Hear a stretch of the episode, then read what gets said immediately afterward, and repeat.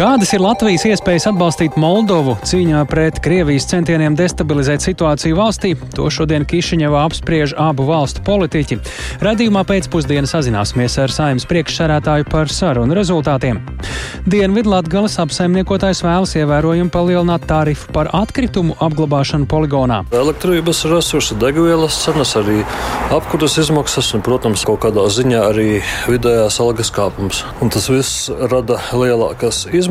Skaidrosim plašāk, vai līdzīgs kāpums gaidāms arī citos Latvijas reģionos.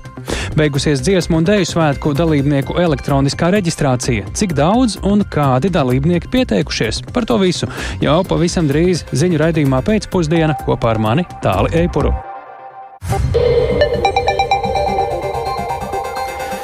Pūkstens ir 16,5 minūtes, skan pēcpusdienas ziņu programma, skaidrojot šodienas svarīgus notikumus. Studijā Tālis Eipurs. Lai jau šonadēļ atceltu iedzīvotāju ienākumu nodokļa avansa maksājumus pašnodarbinātajiem, grozījums iedzīvotāju ienākumu nodokļa likumā pātrinātā kārtībā virza Saimas budžeta komisija. Saima šīs likuma izmaiņas plāno pieņemt jau rīt. Vienlaikus izskan pārmetumi, ka izmaiņas notiek vien tad, kad jau pienācis atceļamā maksājuma termiņš. Vairāk Jāņa Kīņša ierakstā. Pašlaik likums noteica, ka saimnieciskās darbības veicējiem ik gadu aprēķina, kāds iedzīvotāja ienākuma nodokļa avans viņam ir jāmaksā četras reizes gadā. Tas nebija jādara divos Covid krīzes gados. Savukārt šogad valsts ieņēmuma dienests jau paguva izplatīt atgādinājumu pašnodarbinātajiem par ienākuma nodokļa avansa maksājumiem. Tomēr pagājušajā nedēļā finanšu ministrs Arvils Ašarādens no jaunās vienotības solīja to atcelt pavisam, vienlaikus atvainojoties par novēloto soli. Budžets šīs izmaiņas izmaiņas neietekmēs, skaidroja Finanšu ministrijas valsts sekretāra vietnieks Ilmārs Šņucins. Pēc būtības notiek šī maksājuma pārnešana laikā. Nu, faktiski šī avans maksājumi netiek zaudēti no valsts budžeta puses. Vienlaikus mēs redzam, ka pieņemot šo likuma projektu nebūs negatīvas ietekmes budžeta bilants, ko pasaka arī šī divu mēnešu izpildu, ko mēs redzam tagad. Pašlaik ir plus 17 miljonu papildu ieņēmumu. Šim pasākumam nebūs negatīva ietekme uz budžeta deficītu šobrīd. Līdzīgu priekšlikumu par ienākumu nodokļu avansa sistēmas izbeigšanu jau decembrī iesniedza Saimas opozīcijā esošās Zaļo un Zemnieku savienības frakcijas deputāti. Tomēr šī iniciatīva palika bez virzības. Šobrīd jau pēc Saimas budžeta komisijas priekšlikuma šo solis par novēloti. Atbilstoši spēkā esošajai kārtībai, šis maksājums pašnodarbinātajiem veicams līdz 23. martam, dienai, kad Saimā paredzēts lemt par šīs prasības atcelšanu. Tā ir slikta likumdošanas prakse, vērtēja Saimas juridiskā biroja eksperte Lilita Vilsone. Norma ir labvēlīgāka nodokļu maksātājiem, un no tāda viedokļa mēs neiebilstam šim likuma projektam bet eh, diez vai nodokļu maksātāji ir pelnījuši, ka dažas dienas pirms maksāšanas tikai tiek likuma līmenī izlemta šī lieta. Valsts ieņēmuma dienestam būs nepieciešama nedēļa, lai pielāgotu datu sistēmas gaidāmajām likuma izmaiņām un apziņotu visus saimnieciskās darbības veicējus, uz kuriem tās attiecas. Tā informēja valsts ieņēmuma dienesta ģenerāldirektora vietniece Dace Pelēkā. Viennozīmīgi, ka mēs informēsim katru pašnodarbināto, kurš jau ir samaksājis vai nebija paspējis samaksāt eh, par to, ka šis maksājums vairs nav jāveic. Tā ir viena lieta, un otra lieta, kas tad notiek ar iemaksāto naudu. Un tā būs viņa izvēle, vai viņš atstās eh, valsts rīcībā un novirzīs tālākiem maksājumiem. Un, ja pašnodarbinātais izvēlēsies saņemt atpakaļ to naudu, tad mēs viņu arī atgriezīsim. Paredzēts, ka norma par ienākumu nodokļu avansa maksājumu atcelšanu stāsies spēkā piekdien ar atpakaļējošu datumu 1. janvāri. Jānis Kincis, Latvijas radio. Šodien stājas spēkā valsts prezidenta izsludinātais valsts budžets. Līdz ar to šodien Rīgas doma veids grozījumus Rīgas pilsētas jau iepriekš pieņemtajā pagaidu jeb tehniskajā budžetā. Kopumā galvaspilsētā ir noteikts četras galvenās prioritātes - sociālā joma, satiksme, izglītība un pilsētvidas uzlabošanas un investīciju projekti. Plānots, ka Rīgas budžetā kopējie izdevumi šogad būs 1,4 miljārdi eiro.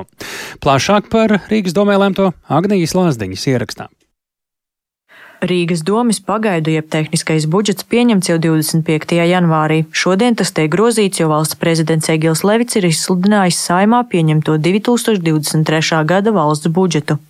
Rīgas mērs Mārtiņš Staķis uzsver, ka šī gada Rīgas pilsētas budžets ir Rīgas saimniecības sakārtošanas budžets. Šis, protams, ir vēsturiski lielākais budžets, kāds tas Rīgā ir bijis. Izmaksu sadaļā tas ir 1,4 miljardi. Un, protams, var teikt, ka jā, liels pieaugums. Tajā pašā laikā mums ir jāpievērš uzmanība tam, ka 30 miljoni mums aiziet tikai komunālo rēķinu sadārdzinājumam, 32 miljoni ir algu pieaugums, lai mēs varētu turēt līdz augošajām izmaksām inflācijai šeit pilsētā un valstī, un 35 miljoni sociālie pabalsti, kas ir vajadzīgi rīzniekiem. Lielākais pieaugums paredzēts izglītībai, tās budžetam pieaugot par 68 miljoniem eiro, jeb 17%.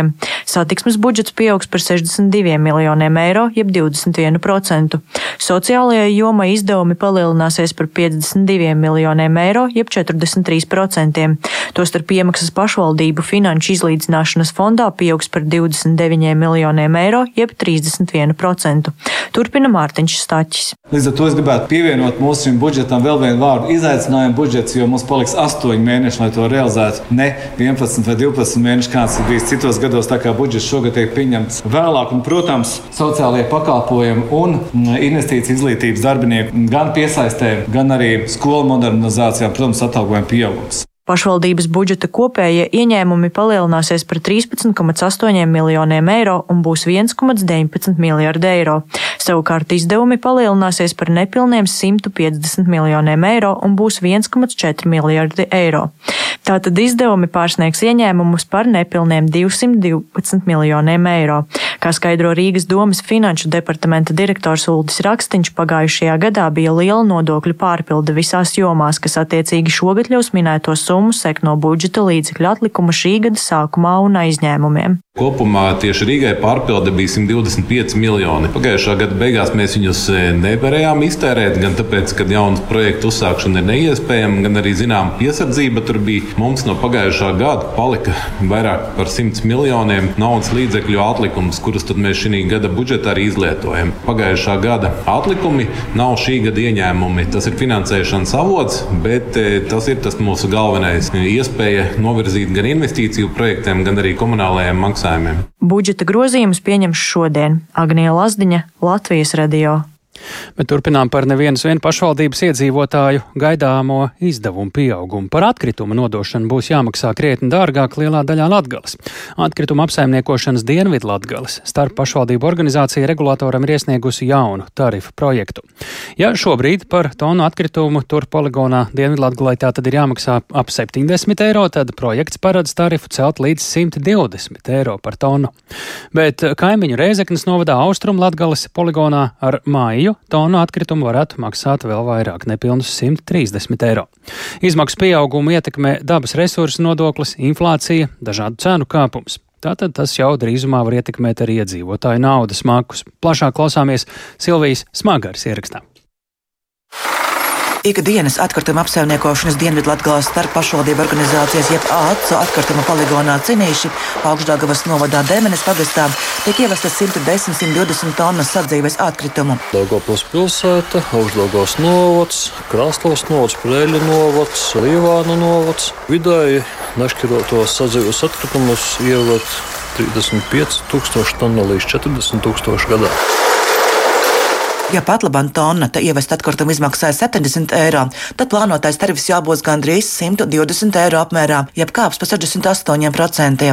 Kā stāsta ACO pārstāvis Kaspars Laizāns, cenu kāpums rodas no vairākiem faktoriem. Elektrības resursi, degvielas cenas, arī apkuras izmaksas un, protams, kaut kādā ziņā arī vidējās algas kāpums. Un tas viss rada lielākas izmaksas nekā poligons pats var nosakt savu darbību ar pašais spēkā esošiem tarifiem tarifiem. Tāpēc, lai nestrādātu kapitāla sabiedrība mīnusā, ir nepieciešams veikt tarifa pārskatīšanu. Attiecīgi ar tarifa kāpumu par nodotiem atkritumiem jārēķinās arī iedzīvotājiem, atzīst Dāngāpils komunālās saimniecības pārvaldes vadītājs un AUCA valdes loceklis Aivars Pudāns. Ja agrāk par kubikmetru iedzīvotāji maksāja aptuveni 11 eiro, tagad varētu būt kaut kur 18, 19 eiro. Pirmkārt, tas ir saistīts ar to, ka ceļas dabas resursu nodoklis. Bija 80 eiro par noglabājumu tonu, šogad jau 95. Un tas ceļas ne mums vieniem, bet par visu Latviju visiem poligoniem. Rēzekne un Ludzā ar māju par kubikmetru atkritumu būs jāšķiras no 31 eiro. Pat labāk par kubikmetru atkritumu Dāngāpu iedzīvotājiem jāmaksā ap 14 eiro. Augšdagavas novadā pāri par 22 eiro. Cik tagad maksājat par atkritumu izvešanu? 3,89. Daudz dzīvokļu mājās atkrituma apjoms uz cilvēku tiek rēķināts no mājas kopējā atkrituma daudzuma. 3,5 Dāngāpils pilsētā un 5,40 eiro novadā. Aptuveni tik šobrīd maksā privātmā iedzīvotāji par ierasto konteineru ar tilpumu 0,24 kubikmetri, ja tas tiek vests reizi mēnesī. Ja regulators apstiprinās jaunos tarifus, kas augs par 70%, ņemot vērā, arī iedzīvotājiem cēlušās izmaksas gan par komunālajiem pakalpojumiem, siltumu, elektrību, gan pārtiku, sitiens pakāpatu būs jaušams. Cilvēkiem gan grūti, es domāju, apmaksāt. Ja ienākumi ļoti mazi, tad tā ir problēma. Es nezinu, varbūt cilvēki domās, kaut ko dedzinās. Nemaksāt nevarēs. Daudz dzīvokļu mājās maksa par atkritumiem tiek iekļauta dzīvokļu komunālās saimniecības izmaksu kopējā listē. Privātu māju saimniekam obligāti jāslēdz līgums ar atkritumu savācēju, skaidro Kaspars Laizāns. Tarifs kļūst dārgāks, bet saistošie noteikumi mums nemainās. Cilvēkiem ir jāsaprot, ka tie, kas ražo atkritumus, par to arī būs jāsamaksā par nodošanu. Arī gāzt atkritumus mežā nebūs risinājums. Šajā gadījumā mums ir likumdošanas risinājumi, tas ir administratīvās pārkāpums par vidas piesārņošanu. Tas var paravērsties arī daudz nopietnākos pantos. Vienīgais risinājums un taupības līdzeklis ir un paliek atkritumu samazināšana un šķirošana, un daudz ko var nodot bez maksas. Dāngāpulī ir apmēram 100 vietas, kur izvietoti konteineri sašķirotiem sadzīves atkritumiem, un 50 vietas ar speciāli paredzētiem konteineriem stikla iepakojuma savākšanai. Turklāt pa pilsētas apkaimēm kurs arī specializētais autotransports, kas pirms septiņiem rītos savāc pie privātmēm atstātos sašķirotos atkritumus. Dāngāpulī maksa par šo pakalpojumu iekasēta netiek.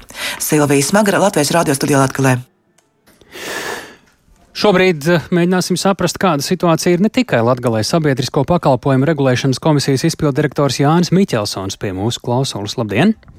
Labdien! Vai tuvākajā laikā varētu būt gaidāma spriešana un apstiprināšana jauniem tarifiem par atkritumu nodošanu poligonos arī citās Latvijas vietās, un, ja tā ir, tad par kādu kāpumu te varētu būt runa?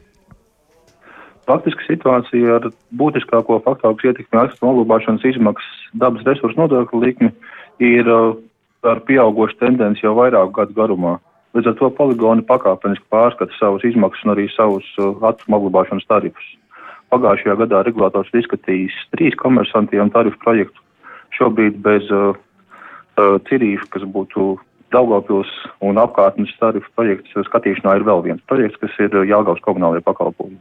Cik mums kopā ir šo poligonu? Visā Latvijā darbojās desmit poligoni. Tātad šobrīd, kā izskatās, ka vairums jau ir reaģējuši uz situāciju un vairāk vai mazāk piemērojušies, un šie ir tie pēdējie, vai tieši otrādi šie ir tie pirmie, un mēs par jauniem tikpat varbūt būtiskiem kā Dienvidlatgalē tarifu kāpumiem vai pieteikumiem uz to dzirdēsim jau tuvākajā laikā, visticamāk, ko jūs redzat, kāda situācija ir. Tas, ka šobrīd Dienvidlatgalē kāpums ir lielāks, drīzāk saistīts ar to, ka tarifs nav ilgāku laiku pārskatīts. Kā jau izskanēja arī sižetā, šobrīd ir pārskatīts tarifs un no apreļa vidus stāsies spēkā Austrumu Latgalē, kas ir netālu no Reizeknes, un tur faktiski tarifs būs nedaudz lielāks pat nekā šobrīd aprēķinātais Daugavpilī, bet pieaugums tur bija mazāks, jo komersants bija īsāku termiņu gaidījis pie, kopš iepriekšējās pārskatīšanas. Tā kā varbūt šeit šis pieauguma procents ir nedaudz maldinoši jāskatās uz to kopējo vērtību, kāda iznāks apglabāšanas tarifam. Šobrīd šie 120, 130 eiro par tonu, tāda caurmērā ir visa Latvija pat laban, vai tās atšķirības ir diezgan būtiskas pagaidām? Atšķirības šobrīd vēl saglabājās diezgan lielas. Arī Rīgā šobrīd ir 135 getliņiem, bet uh, būtiskais ir uh, tas, kādā veidā katra pašvaldība organizējas atkritumu vākšanu. Jo labāks ir iespējas dalīties atkritumu vākšanai un iespēja nodot uh, bez maksas uh, citus atkritumu veidus, jo mazākas iznāk izmaksas katrai mašsaimniecībai par to atkritumu nodošanu, kur pēc tam tiek vēsta apglabāšanai poligonā. Līdz šim apstiprinātie tarifi, līdz šim iesniegtie tarifi ir apstiprināti bez izmaiņām pēdējā laikā, neapšaubot to kāpumu pamatotību, vai ir bijušas arī nepieciešams korekcijas? Faktiski visiem projektiem tiek veikts arī korekcijas izskatīšanas gaitā. Tur ir gan izmaksas, kas mainās, kamēr tarifs ir vērtēšanā, piemēram, ļoti strauji svārstās elektrības izmaksas, gan arī pozīcijas, kurā tiek pārskatīts, vai ir pareizi novērtētas apjoma prognozes, vai ir iekļauts tikai tās atkrituma plūsmas, kas attiecās uz sadzīves atkritumiem un noņemts no tās, kas attiecās uz citu veidu atkritumiem, piemēram, būgružiem. Bez tam arī komersantiem bieži vien iztīšanas gaitā ir vēl kādi precizējumi. Tā kā pie katra projekta vērtēšanas ir kādas pozīcijas, ko aicinām komersantu pārskatīt un bieži vien arī samazināt. Ņemot vērā inflāciju, ņemot vērā citus apstākļus, kurus jūs noteikti zinat labāk, vai tad tuvākajos mēnešos, pusgada laikā varētu vēl sagaidīt būtiskus atkritumu tarifu pieaugumus vienā vai otrā pašvaldībā un poligonā?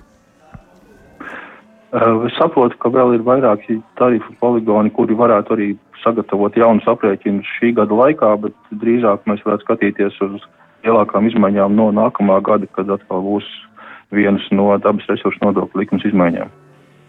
Cik būtisks tas pieaugums varētu būt uh, uz šī rēķina vismaz, jo citi apstākļi jau, protams, arī var būt?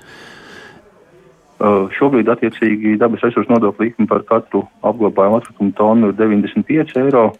No tā, kas ir redzēts informatīvajā ziņojumā par projektu, šobrīd ir figūrē rādītājs 110 eiro no nākošā gada, bet tas vēl nav valdībā līdz galam izskatīts.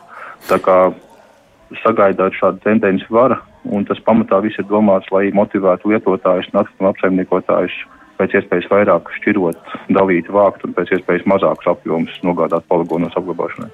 Lielas paldies par sarunu. Tā Jānis Miķelsons, Sabiedrisko pakalpojumu regulēšanas komisijas izpildu direktors.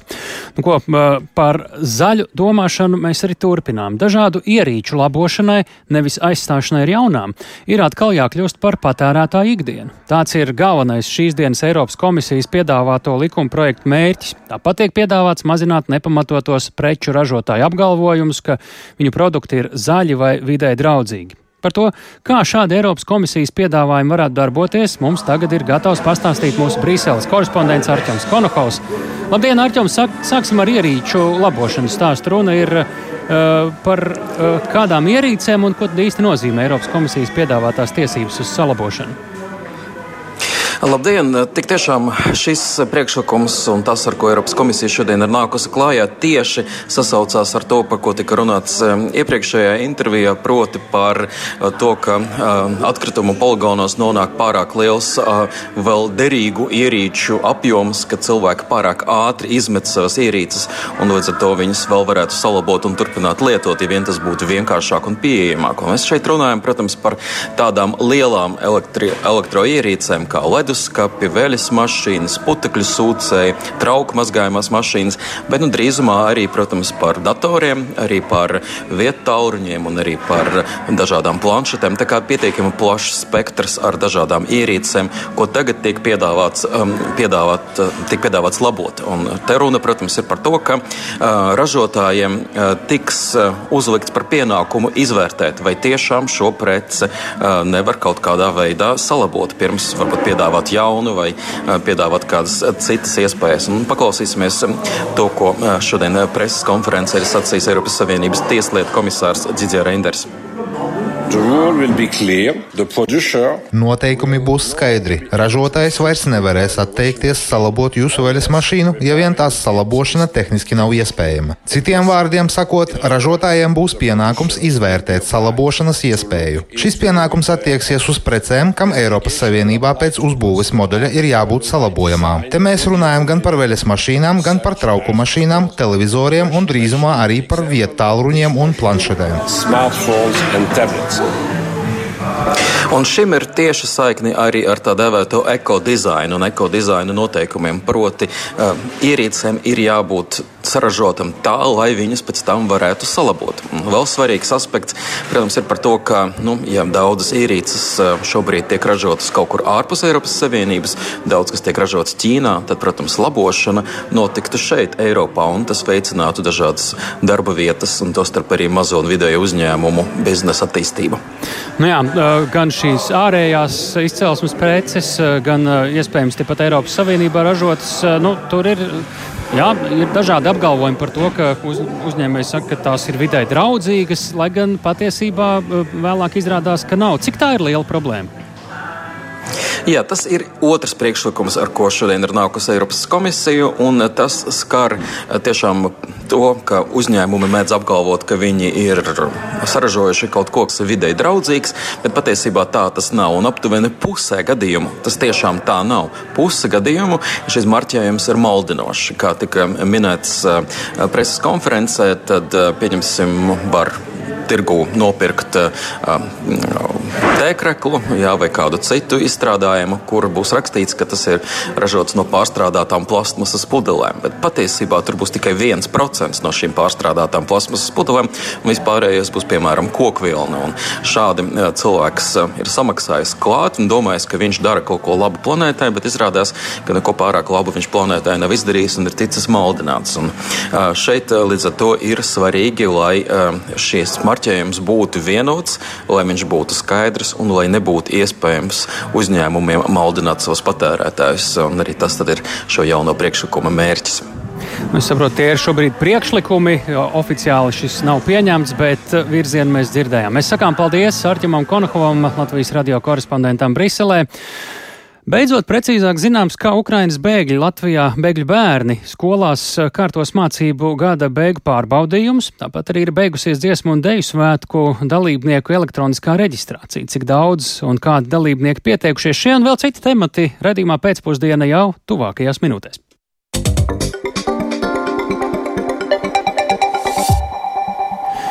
Moldova, kas šobrīd ir pakļautā aktīviem Krievijas centieniem destabilizēt situāciju valstī, ieradies Latvijas saimnes priekšsādātājs Edvards Smiltāns no apvienotā sāraksta. Apmeklējuma mērķis ir apliecināt Latvijas solidaritāti Moldovas ceļam uz Eiropas Savienību, un Smiltānam un arī citiem Latvijas saimnes deputātiem šodien un tuvākajās dienās tikšanās ar augstākajām Moldovas amatpersonām, taiskaitā prezidentu Māju Sandu, arī ministru prezidentu Dorīnu Rečanu un vēl virkni citiem. Pie mūsu klausulas šobrīd saimnes priekšsarētājs Edvards Smiltēns uz īsu sarunu. Labdien! Jā, secināts. Nu, viens no Latvijas parlamentāriešu, Latvijas parlamentāriešu vizītes mērķiem ir pārunāt to, kā mūsu valsts var atbalstīt Moldovu cīņā pret Krievijas mēģinājumiem destabilizēt situāciju šajā valstī. Nu, mēs zinām, ko nozīmē šādi mēģinājumi. Kādi tad ir tie reālākie ceļi, kā mēs šajā situācijā tagad praktiski reāli varam sniegt Moldovai atbalstu? Nu, tiekoties gan no Maijas Sandu, gan nu, pat pirms minūtes noslēdzās Nikola Pesko tikšanās, viņa ārlietu ministru un arī premjeru spīkeru, ir pilnīgi skaidrs, ka mēs uz, esam pilnīgi uz vienu klapas un ļoti adekvāti saprotam situāciju. Uh, tas nav tikai Krievijas karš, uh, mēģinot sagraut un, un, un, un okupēt Ukrainu, tas ir faktiski karš pret uh, visām apkārtējām civilizētajām valstīm, un, un Moldova ir diezgan ievainojama un izjūt šos nemitīgos mēģinājumus ievilkt atpakaļ šajā ietekmes zonā. Mēs paužam ne tikai simbolisku atbalstu šajā ļoti nozīmīgajā brīdī Moldovai, bet arī konkrēti pārnājam eksaktas lietas, kādā veidā palīdzēt. Un pirmais jau arī stiprināt sabiedrības pārliecību, kā Maija Sandu sāka sarunu, viņa teica, vienīgais veids, kā saglabāt un noturēt Moldovas demokrātiju, ir uh, dalība Eiropas Savienībā. Tātad šo te uh, cerību uh, sabiedrībā vēl vairāk uzturēt un, un dot reāls piemērs, taustāms piemērs, labumus un, un noturēt arī šos te politiķus ar, ar augstu sabiedrības atbalstu vēl turpmāko laiku. Tātad tas ir gan viesabonēšanas atcelšana, uh, Uh, Eiropas Savienībai un Moldovai. Rumāņi jau šos starp citu ir sakārtojuši savā starpā Moldova, Rumānija divpusēji, gan arī eksporta kvotas, kas ir ļoti būtiski šobrīd Moldovai. Ekonomikas zaudējums ir apmēram 6%, viņu inflācija pārsniedz 30%, viņu atkarība no Krievijas daudz ievērojami lielāka bijusi nekā Latvijai. Jā, to mēs to varam arī pietiekam daudz izlasīt paši. Ko mēs, eh, bet kas ir tās lietas, ko jūs runājat, kas tad, ko Latvija reāli var darīt? Eh, šie bija tāda situācijas konstatēšana vairāk. Es, es pieminēju divas lietas, eh, tātad viesabonēšana vai arī eksporta Labi. kvotu atcelšana, bet, uh, godīgi sakot, uh, prezidenta Maija Sandu bija perfekti sagatavojusies, izpildīts mājas darbs. Uh, Tad, kad mēs sākām konkrētas lietas pieminēt, tad parādījās dokumentus piecām lapām ar, ar konkrētiem jautājumiem, kuri būtu tālāk arī jāskata. Gan atbalsts ārpolitiski, tikko ar ārlietu ministru pārunājām dažādos formātos, būs ND8, vizīte šeit un, un mūsu nu, iespēja. Mēs esam Latvija maza valsts, bet mēs esam kļuvuši tiešām ar savu viedokli ietekmīgi Eiropas Savienībā un starptautiskajās institūcijās. Uh, un līdz ar to mums advokatēt par labu Moldovai un aizstāvēt viņu intereses, uh, tas ir tas, ko mēs varam uh, tiešā veidā darīt, kas mums neko nemaksā. Protams, arī viņu atbalsts nu, nu, citos jautājumos. Mm. Eiropas Savienības virzība, kā šeit Latvija var praktiski palīdzēt, es saprotu, ir dažādas sarunas un saskaņošanas ar Eiropas Savienību par tīri praktiskiem jautājumiem. Tas arī ir tās ir arī kas ir, kas ir ļoti būtiski, ko viņi uzsver. Tātad mēs esam ļoti fokusējušies uz Ukrainu un pareizi, un arī ārlietu ministrs teica, labākais veids, kā palīdzēt Moldovai, palīdzēt Ukrainai. Ja kritīs Ukraina, Moldova pilnīgi garantēti nespēs noturēties. Bet skaidrs ir viens, ka nedrīkst aizmirst par Moldovu, ka tam jāiet ir pilnīgi paralēli. Uh, Šī tātad kandidāta valsts status jau jūnijā ir piešķirts gan Ukrainai, gan Moldovai. Šobrīd pēc iespējas ātrāk būtu jāstāv pašas iestāšanās sarunas. Moldova ārkārtīgi strauji transformējās un veic šīs nepieciešamās reformas, un pati Moldova arī ir ļoti labās politiskās rokās, tad drošās rokās pro-eiropeiskās. Pro un, un, un tiešām spējīgi arī mobilizēt sabiedrību šīm pārmaiņām. Labi. Arī jāatbalsta politiski šis, šie politiķi. Lielas paldies par sarunu. Edvards Smiltēns, saimnes priekšsādātājs pie radījuma pēcpusdienu klausulis. Bet, lai runātu par Ukrainas atjaunošanas jautājumiem un ekonomisko sadarbību, Ukrainas valdības pārstāvi Rīgā divas dienas tieks ar Latvijas ministriem, politiķiem, amatpersonām, uzņēmējiem. Un tiek runāts, piemēram, par Latvijas uzņēmēju iesaisti Černīhivas apgabala atjaunošanas procesā. Par to jau ir notikusi arī iepriekš komunikācija ar Ukrainas ministrijām, lai sāktu tādu mērķētu darbu pie rekonstrukcijas plāna. Ukrainas ministru kabineta ministrs Oleks Ņemčīnos šajās dienās tieks arī ar aizsardzības ministri Nāru Mūrnieci, klimatu un enerģētikas ministru Raimondu Čudēru, kā arī tikko eh, noslēgusies tikšanās ar satiksmes ministru Jānu Vitembergu. Viņš pie mūsu klausos. Labdien! Sveicināti! Visu un konkrēti par transporta nozara tieši runājot, kur tad Latvija ar Ukrainu sadarbības ziņā ir šobrīd un par kādu nākotnes attīstību mēs eh, runājam un arī jūs runājāt ar Ukrainas ministru šajā brīdī? Mēs aktīvi, aktīvi strādājam ar dažādiem lauksaimniecības produktiem eh, solidaritātes eh, joslas eh, ietvaros. Tie ir koridori, kas, kas ir tikuši izveidoti, lai varētu pārvadāt, pārvadāt gan, gan no Ukrainas graudus, kukurūzu un citus produktus. Ja. Sadarbība notiek, bet noteikti tā varētu būt labāk. Ja. Par to arī šodien saruna vēl aizvien fonā man runā uzņēmē dažādu Ukrainas valsts iestāžu darbinieki, dažādu ministriju darbinieki tīklojas, kā saka, ar mūsu uzņēmējiem un ministrijām. Un tas, ko mēs piedāvājam, jā, mums ir trīs ostas, katra ar savu specifiku, bet mēs esam gatavi sadarboties, palīdzēt. Un Ukrainas puse arī bija apņēmības pilna. Es teiktu, tie galvenie virzieni ir censties mazināt birokrātiju, lai ar, arī, arī ar autotransporta palīdzību tas būtu ērtāk, šīs mašīnas varētu braukt kolonās, arī samazināt dažādas pārbaudes uz robežām, tās prasības, ja, lai, lai tas tiešām iedzīvinātos un būtu sekmīgi. Nu jā, mēs redzam, dzelzceļš tiešais savienojums ar Baltkrieviju šobrīd nekādā veidā nav aktuāls. Lidojumi nenotiek, atliek jūs pieminētais autotransports. Tāda ir mūsdienu tuvākā laika realitāte. Ja? Nu, jāsaka, ka Ukrainas puse arī pauda cerību uh, par to, ka uh, nu, agri vai vēlu Baltkrievija uh, būs, būs valsts, un mēs arī ceram, ka valsts, ar kuru varēs sadarboties un kuras uh, infrastruktūru mēs varēsim izbau, iz, turpināt izmantot jaunē, tur, tur potenciāls arī noteikti ir nākotnē. Ja? Bet varbūt, kas interesants šajā sarunā, parādījās tāds jaunums par kopīgu sadarbību, lai palīdzētu remontēt Ukrainas ritošā, dzelzceļa ritošā sastāva dažādas vienības, ja gan lokomotīvas, iespējams arī vagonas palīdzēt ar rezerves daļām, ja, jo nu, tas, tas arī būtu pietiekami liels sadarbības uh, Eh, virziens, ja, kurš līdz šim nav bijis eh, tik, tik, tik attīstīts. Kurš Latvijā to varētu darīt? Nu, gan rītošā sastāvā servis arī ir privāti uzņēmēji, kas ar to nodarbojas. Ja, kā, eh, tas bija virziens, kas šodien arī izskanēja, un arī Latvijas dzelzceļa vadība atzina, ka tas arī būtu interesanti no mūsu puses. Lielas paldies! Tā Jānis Vitenbergs, satiksmes ministrs, pēc tikšanās ar Ukrainas ministru kabineta ministru Olehu Ņemčīnovu runājot tieši par Latvijas un Ukrainas sadarbību transporta jomā. Jāatgādina, ka Ukrainas valdības delegācijas apmeklējuma laikā Latvijā tā tad ir spriests par iespējām ne tikai transportā paplašināt sadarbību, bet arī digitālajā transformācijā, enerģētikā, tīrās tehnoloģijās, kosmosa un arī izglītības un zinātnes jomā. Plašāk par sarunām ar Ukraiņas delegāciju ar ekonomikas ministru Ilzi Indriksoni. Klausieties sarunu rīt, radījumā labrīt, ceturksni pēc septiņiem. Bet Ukraiņas tematiku turpinām arī ciešā saistībā ar Latviju ir beidzies viens neziņas periods. Pāris mēnešus pirms skolu eksāmeniem ar normatīviem aktiem ir sakārtota pārbaudījuma norisi arī Ukrainas bēgļu bērniem, kuri mācās Latvijas skolās. Saimas pilsonības, migrācijas un sabiedrības saliedētības komisijas deputāti šodien Rīgas Ukraiņu vidusskolā klātienē iepazinās ar kara bēgļu bērnu iekļaušanos Latvijas izglītības sistēmā. Kā veicās šajā sarunā un kāda tad būs eksāmenu kārtība Ukraiņu skolēniem stāstīja Puķe. Ar komisijas vadītāju Ingmāru Līdaku priekšgalā saimas deputāti uz Rīgas Ukrāņu vidusskolu devās ar labi padarīta darba apziņu. Vakar ministru kabineta noteikumos par centralizēto eksāmenu saturu un norises kārtību ieviestie grozījumi paredz, ka Ukrainas skolēniem 9. klases vai vidusskolas valsts pārbaudījumos pagarinās eksāmena laiku un arī nodrošinās tekstu tulkošanas iespēju no latviešu uz ukrāņu valodu un otrādi, bet matemātikas eksāmena materiāli būs ukrāņu valodā. Viņi eksāmenus arī kārtos atsevišķā telpā.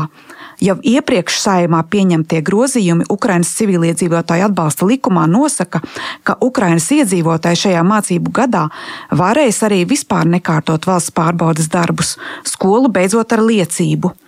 12 klasniekiem, kuri izlems nekārtot eksāmenus, būs tiesības atkārtoti mācīties tajā pašā klasē. To varēs darīt arī tie ukrāņu jaunieši, kas valsts pārbaudas darbos nebūs guvuši pozitīvu vērtējumu. Savukārt, nekārtojot valsts pārbaudījumus 9. klasē vai arī izkrītot tajos, skolēnam no Ukrainas būs pienākums atkārtoti mācīties 9. klasē, jo Latvijā pamatizglītība ir obligāta. Deputāti varēja ieskatīties Ukrāņu vidusskolas klasēs un sporta zālē, bet atsevišķā telpā, kur notika sarunas, skolēni viņiem bija sagatavojuši apsveikumu programmu. Pirmklasnieks Arčuns dzied par to, cik ilgi vēl būs šis svešais karš, kas arī uz Latviju atnesis bēgļu straumi. Rīgas Ukrāņu vidusskolā mācās 417 skolēni, un 187 ir no Ukrainas. Savukārt no 39 pedagogiem un pedagoģu palīgiem vesels 21 ir no Ukrainas. Ejot uz sanāksmes vietu, man izdodas parunāt ar Emīliju no Odesas, kura ir viena no pieciem 9. klases skolēniem, kam Latvijā šopavasar priekšā izvēle par eksāmenu kārtošanu. Šeit viņa ieradusies pagājušā gada martā. Esmu tur tikai viens gads. Jā, liksi jā. eksāmenus. Jā, nu, ļoti baidos. Ļoti baidos jā. Kā ir klases biedriem? Arī liks, jeb kāds neliks? Nu, nezinu. Nu, viss labi. Jā, gribās pabeigt eh, skolu, ja tāpēc liksi. Nu, jā, bet tagad es plānoju būt skolā līdz uh, 12. klasēm, un jau pēc tam Rīgas ekonomiskajā universitāte. Ja. Direktoras vietnieks izglītības jomā Romanis Tilleris gan saka, ne visiem Ukraiņas viesiem ir tik liela mērķtiecība kā Emīlijai. Tā lielākā problēma jau ir tā valodas mācībās, ja tā ir problēma. Skolotāji stāsta, ja. Tā, tā, kamēr bērni saprot otrkārt, tas, ka tie liela problēma ir tā, ka tie bērni ir pārliecināti, ka viņi šeit ilgi nebūs, ja viņi atgriezīsies. Un līdz ar to attieksme arī pret mācībām ir savādāka. Ja. Kopā ar saimas deputātiem gan situāciju izanalizēt neiznāca. Tā vairāk bija kā ekskursija ar savstarpējas cieņas apliecinājumiem. Pēkšņi Ingvārs Līdaka direktorē Lidijai Kravčenko un pārējiem norādīja, ka pulkstenis vedinot drīz doties projām. Mums ļoti patīkami iegūt nu, to atmosfēru, sajūtas atmosfēru, kas ir. Bet atbildes uz jautājumiem mēs droši vien uh, nepaspēsim nekādus saņemt. Man, piemēram, bija jautājums par to, varbūt var vārdos. Var, ne, varbūt piecās, nē, mēs nevaram, jo mums ir divos jau, jau nākošās sēdes. Man galvenais, kas man interesē šajā skolā, vai, vai un kā izdodas noturēt vispārējās izglītības līmeni. Skolas direktore Tautas kalpam diplomātiski atbildēja: Skolas uzdevums ir izaudzināt nevis olimpiāžu uzvarētājus, bet cilvēkus, kas mīl savu valsti. Pēc pedagoģa uzskata, Ukrāņu bērnu pieplūduma dēļ izglītības līmenis nesot pazeminājies, taču darba apjoms gan palielinājies dramatiski. Īpaši daudz darba vienai no skolas psiholoģiem, kura ir no Ukrainas. Tūdaļ pēc sarunas ar deputātiem viņa mierināja raudošu 8. klases skolēnu Danīlu, kam pat šī draudzīgā saruna bija radījusi pārāk lielu stresu. Vakar pieņemtie ministru kabineta noteikumu grozījumi skolēns no Ukrainas gan apdrošinās dubultā. Tika atcelta prasība atbalsta pasākumus eksāmenos bērniem, kam ir veselības problēmas, saņemt tikai ar pedagoģiski medicīniskās komisijas lēmumu. Tāpat kā iepriekš, tos varēs piemērot arī logopēds, speciālais pedagogs, izglītības vai klīniskais psihologs. Ieva Puķa, Latvijas radio. Beigusies dziesmu un deju svētku dalībnieku elektroniskā reģistrācija. Tā bija veids, kā nodot svētku rīkotājiem nepieciešamos datus daudzfunkcionālās dalībnieku kartes izveidē. Lai noskaidrotu vairāk un precīzāk, dziesmu un deju svētku komunikācijas vadītāja Inga Vasiljeva ir pie mūsu klausulas. Labdien! Labdien! Cik daudz dalībnieku ir reģistrējušies vai reģistrēti? Pašiem bija jāreģistrējas, tā es saprotu. Jā, jā, jā, tāpat kā 18. gadā, tā arī šajā šoreiz dalībniekiem pašiem bija jāreģistrējās dalībai svētkos, un šoreiz tas bija jādara īpaši izveidotā bezmaksas lietotnē dziesmu svētki, un tātad mums dalībai svētkiem ir reģistrējušies 40 892 potenciālie dalībnieki no visas pasaules atzīmēšu. Uh mhm. -huh. Kas un kādā skaitā ir reģistrējies, ja paskatāmies uh, koristi, dejotāji, mūziķi, aktieri, nu tur vēl citas kategorijas droši vien?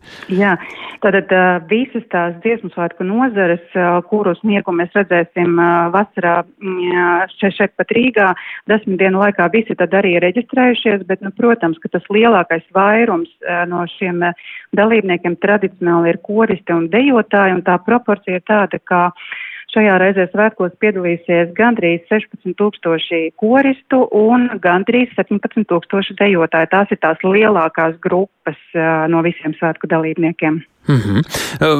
Mēs saprotu, te arī mēs varam redzēt gan reģionālu aktivitāti, starp citu arī vecumu, kā mums ir ar jaunākajiem, vecākajiem dalībniekiem. Es tā varētu turpināt vēl par statistiku, bet nu, šie piemēri.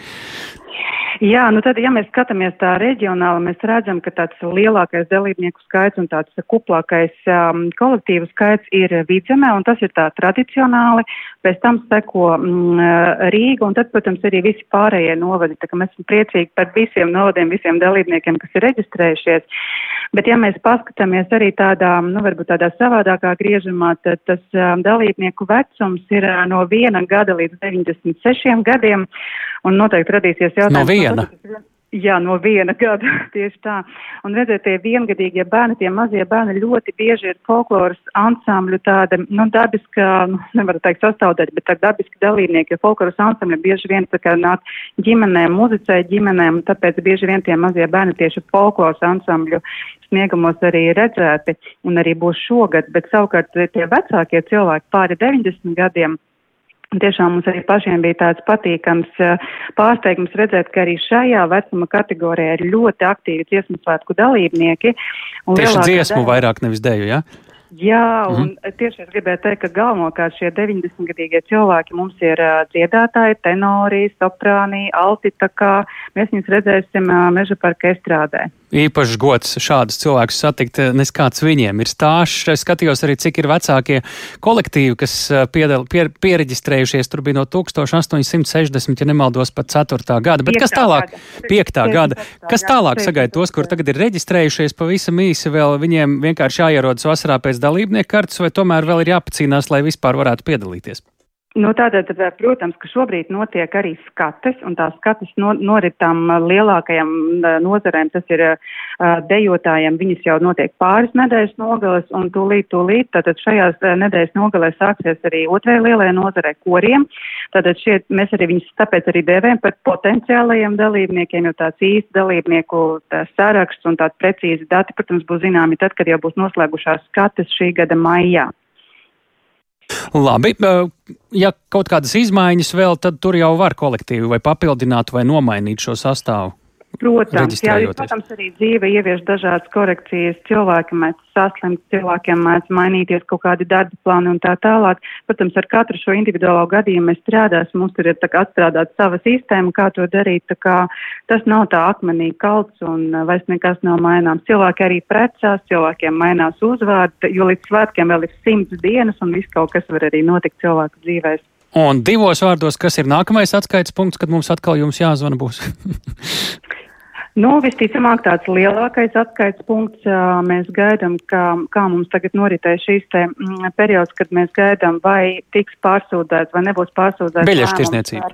Jā, par biļešu tirzniecību, tad nākamais tāds lielais pīķis noteikti būs biļešu tirzniecība, bet tur, kā jūs teicat, mums ir jāpagaida šis noteiktais periods, redzēsim, kā tālāk virzīsies šī situācija. Un, un tad jau būs zinām arī konkrētāki datumi un tam līdzīgi. Jā. Jā. Liels jā. paldies par sarunu. To mēs sakām Ingai Vasiljevai, dziesmu un dēļu svētku komunikācijas vadītājai. Paldies arī, ka klausījāties raidījumu pēcpusdienu tālsēpurs, Ilza Agintu, Uldis Grimbergs, Rīta Karnačs bija tā veidotāji. Mēs tiekamies arī rīt, kā katru darba dienu.